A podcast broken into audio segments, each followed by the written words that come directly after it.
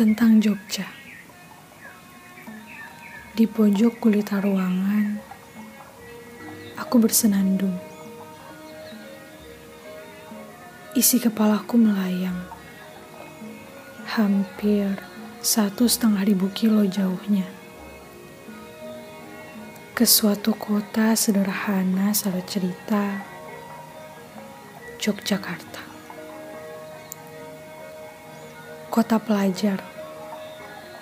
Mungkin jadi satu dua alasan kuseret kaki mungilku menuju pesisir selatan Pulau Jawa. Dalam heningku, mungkin Tuhan mendengar aku berbisik lemah. Tiada lain pintaku. Lancarkanlah, lancarkanlah. Entah siapa yang mulai bercumbu. Aku atau magisnya keindahan Jogja. Masa berlalu masih bisa dihitung jari. Kota ini sudah berhasil melumpuhkan hati. Segala teriakan, isak tangis, canda tawa, terekam dalam dinding sepetak ruang. Kami huni bertiga, dengan misi sama, satu rangkulan lebih dekat dengan cita. Bersama sayup suara jangkrik, terulang kembali reka adegan masa itu. Semua titik kota terlukis. Kampus Gajah Mada, Tugu, atau Parangtritis. Tersusun dalam satu garis lurus geografis terhimpun dalam satu wilayah kesultanan, terjaga dalam budaya penuh kesantunan.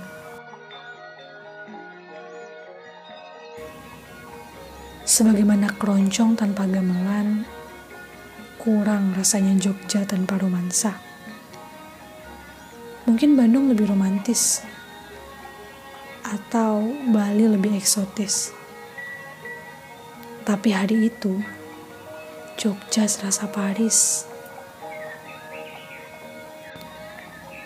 Meski melalui hal sekecil ikatan tali sepatu, absensi bimbingan belajar dan sepatah tegur sapa, kami tahu Afrodit menebar serbuk perasaan itu melalui tatap kecil kami. Dan karena mata adalah sarjana dalam pengutaran rasa, barang sedetik pun cukup Setidaknya cukup hingga aku mengingatnya hingga hari ini. Namun, selalu ada dua sejoli yang Gatot Kaca pun tak mampu halangi. Jarak dan waktu.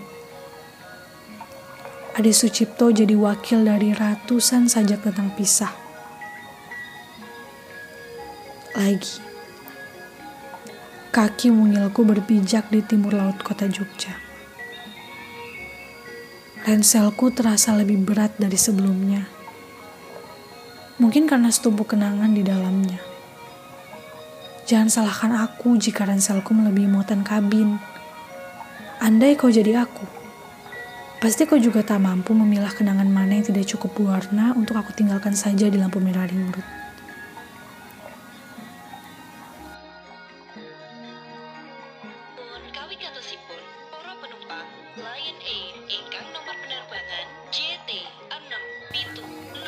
Terdengar dari mesin pesawat bergetar seakan ingin mengucap salam pisah dari landasan pacu padaku di ruang tunggu.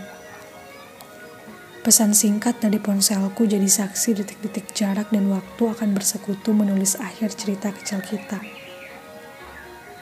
Dapat kubayangkan sepatu karetmu gelisah, tanganmu yang seakan tak bisa diam barang sejenak, dan pendingin kabin tak terasa cukup sejuk untuk memadamkan bara kecil yang bergejolak di kepalamu. Aku tahu betul itu aku yang memantik api rindu di sudut hatimu. Karena aku juga rasakan hal yang sama.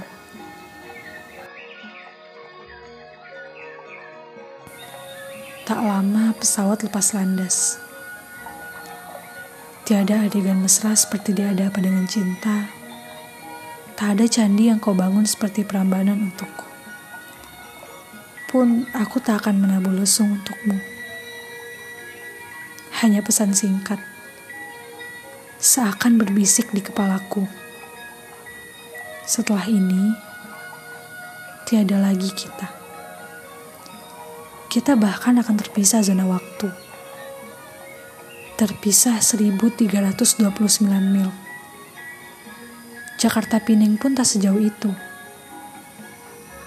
Mungkin saja kita hanya seperti dua insan yang berkenalan di warung kopi ketika mudik. Entah setelah ini jalan kita akan bertemu lagi.